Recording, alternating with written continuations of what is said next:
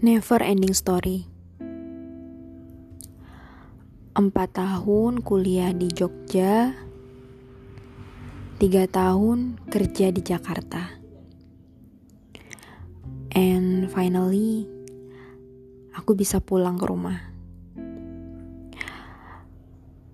Kerja dekat rumah adalah impianku dari lama. Aku merasa jika aku dekat dengan keluarga, maka aku nggak akan pernah merasa sedih dan kesepian. Dan kesempatan itu datang. Akhirnya aku bisa pulang ke Jawa Timur dan kerja dekat dengan daerah rumahku. Tiap Sabtu Minggu aku bisa pulang dan berkumpul dengan keluarga. Senang banget rasanya. Tapi kisah hidup nggak segampang itu. Ketika kamu selesai dengan satu ujian, maka kamu hanya akan berpindah ke ujian berikutnya.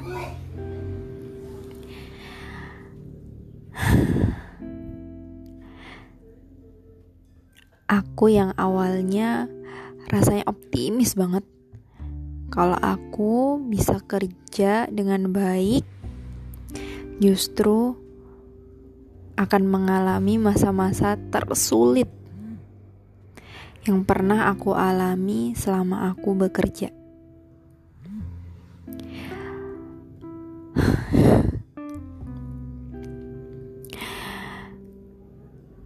Kalian pernah gak sih ngalamin kalian kerja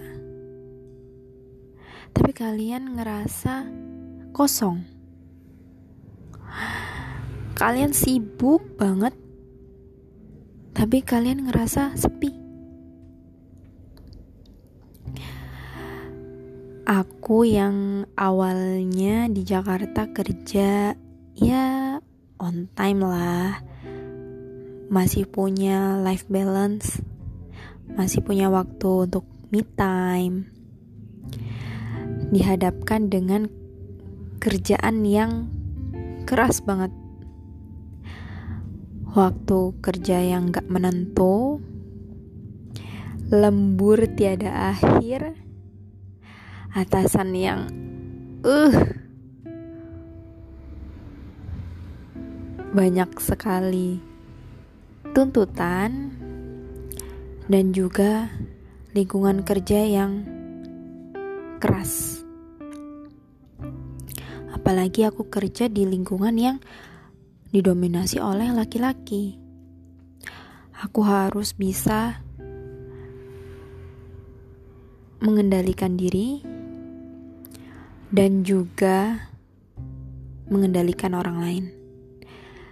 Aku yang awalnya kerja ya kerja aja. Submit tugas ke atasan selesai. Tapi sekarang aku harus benar-benar bertanggung jawab terhadap kerjaanku itu. Bukan berarti dulunya aku nggak bertanggung jawab, cuman sekarang beda cerita. Ini jauh lebih berat daripada kerjaan-kerjaanku sebelumnya.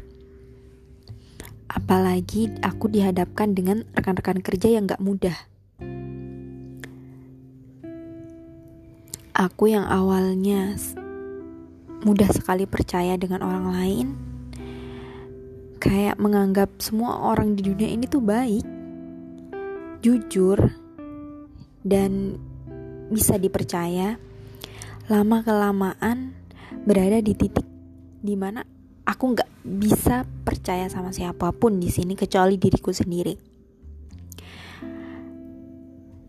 Kerja di lingkungan kayak gitu yang membuat aku sampai stres belum lagi dengan beban kerjaan secara teknikal juga udah lumayan menguras otak, hati dan pikiran. Aku ngerasa aku udah maksimal banget kerja dari pagi sampai capek bukan karena udah di luar jam kerja tapi karena udah capek udah nggak bisa kerja lagi baru aku istirahat aku yang terbawa lingkungan seperti itu ngerasa kayak aduh kenapa jadi kayak gini? Ternyata yang dulunya aku sangat optimis kalau aku mending kerja lembur deh daripada nggak ada kerjaan. Sampai ngerasa aduh kenapa jadi kayak gini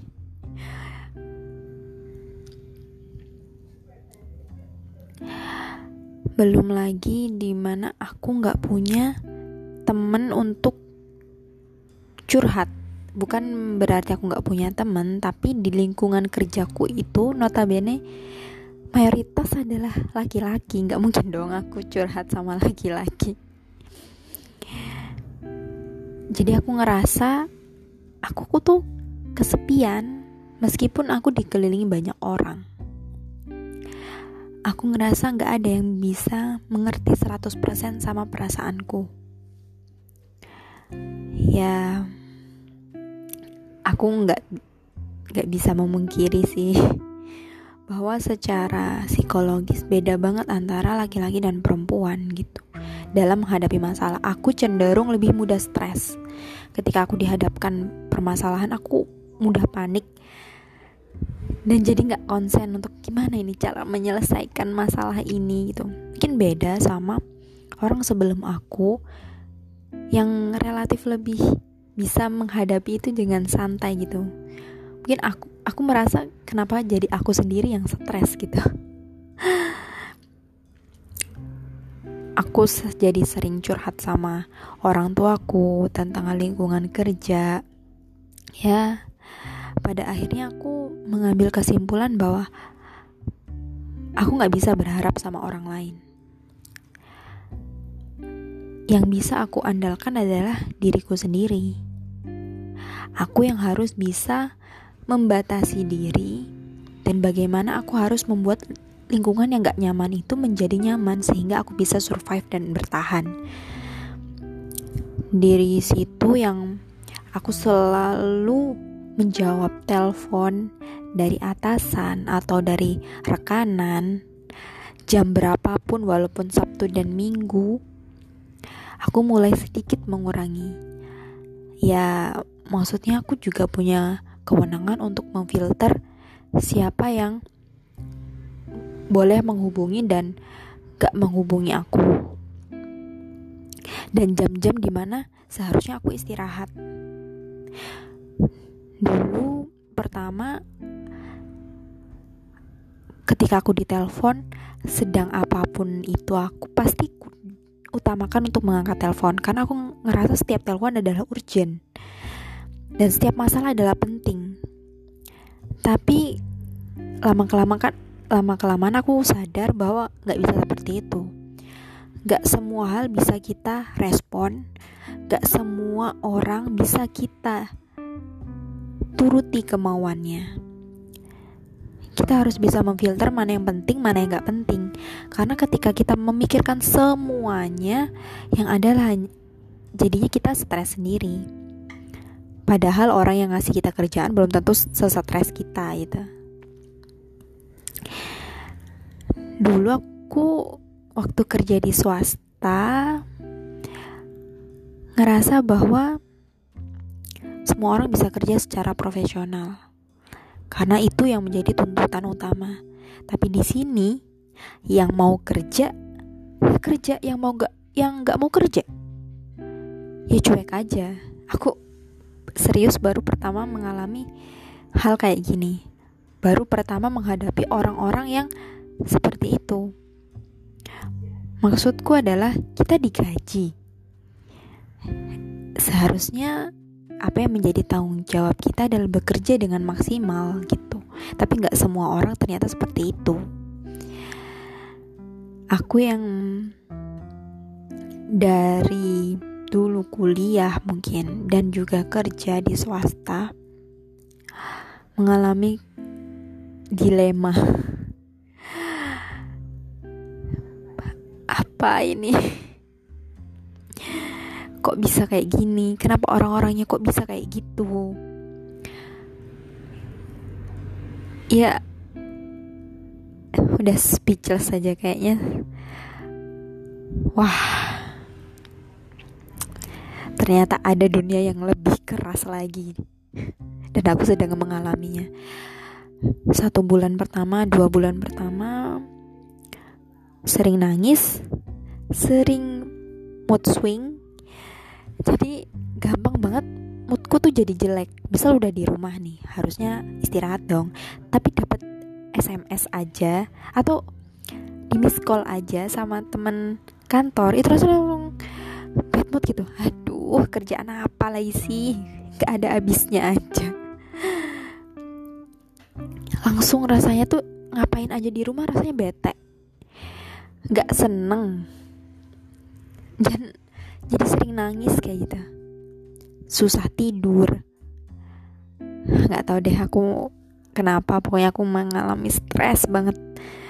Sampai pada titik aku pengen menyerah.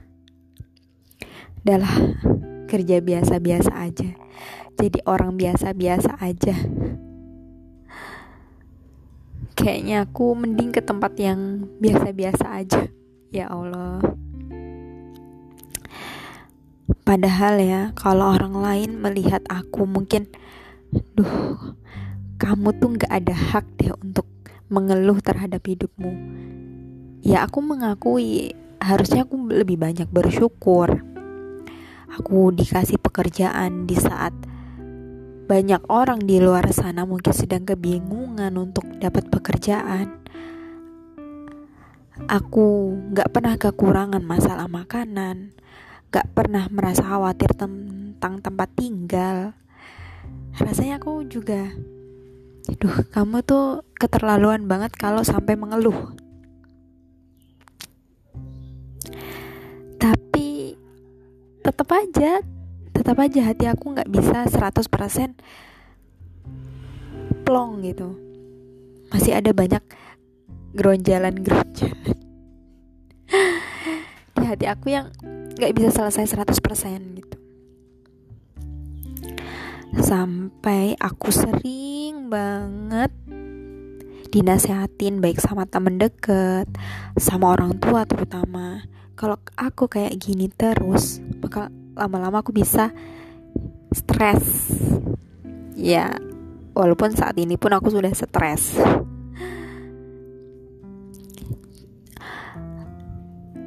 setelah itu aku mulai berpikir kembali oke. Okay, nggak ada yang bisa membuat kamu nyaman kecuali diri kamu sendiri. Dan kamu gak bisa selalu mengiyakan omongan orang lain. Aku harus punya defense. Supaya aku sendiri cu supaya apa ya supaya aku sendiri bisa survive di lingkungan yang kayak gini gitu. Jadi aku mulai ya udah kerja ya kerja waktunya istirahat. Oke okay, istirahat. Ketika ditelepon di luar jam kerja yang udah nggak udah nggak sepatutnya maksudnya udah malam banget nggak usah diangkat sekali-sekali. Ketika kamu libur sabtu minggu ya udah semaksimal mungkin nggak usah deh buka-buka hp nggak usah deh buka-buka laptop. Tapi kalau urgent banget ya terpaksa oke okay lah. Tapi nggak usah jadikan itu sebagai sebuah kebiasaan gitu. Aku mulai bersifat cuek. Yang awalnya aku selalu memikirkan ketika mbak kamu tuh harusnya gini gini gini gini aku langsung aduh iya ya seharusnya aku kayak gitu seharusnya aku gini kayaknya aku salah deh. Mulai ke titik di mana ya udah bodo amat. Aku udah berusaha semaksimal yang aku mampu. Di luar itu adalah ya di luar kemampuanku aja bukan salahku 100% gitu. Mulai cuek lah sama omongan-omongan orang-orang yang selalu protes ya selalu menganggap bahwa diri kita kurang. Ya kan mereka nggak tahu di dalamnya bahwa kita udah push ourselves sampai titik maksimal gitu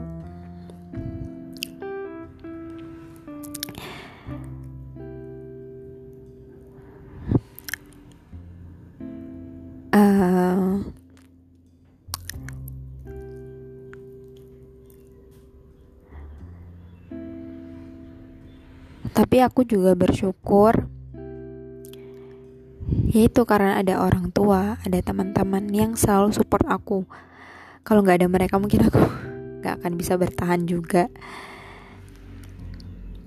Dan mungkin aku juga merasa bahwa memang setiap hal yang baru itu perlu adaptasi.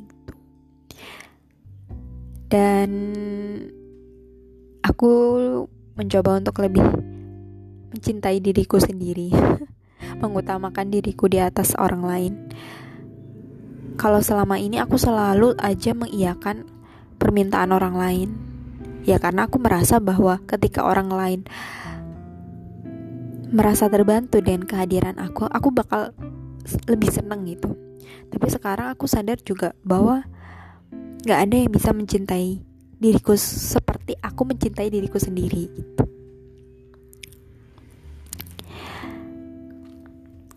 ya aku merasa ini baru awal argo dari kehidupanku yang baru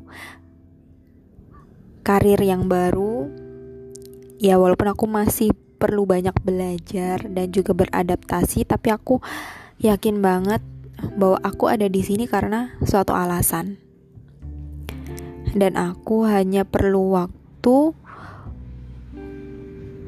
untuk menyadari alasan kenapa aku ada di sini dan kata-kata yang selalu aku ingat adalah badai selalu akan berlalu. Ya walaupun pasti ada puncaknya. Jadi aku harap suatu saat aku bisa menemukan kenyamanan dalam bekerja yang selama ini menurutku belum 100% aku dapatkan. Aku berharap kehadiranku di sini itu memang benar-benar bermanfaat. Aku sama sekali nggak berharap bahwa di sini tuh aku akan memperkaya diriku sendiri.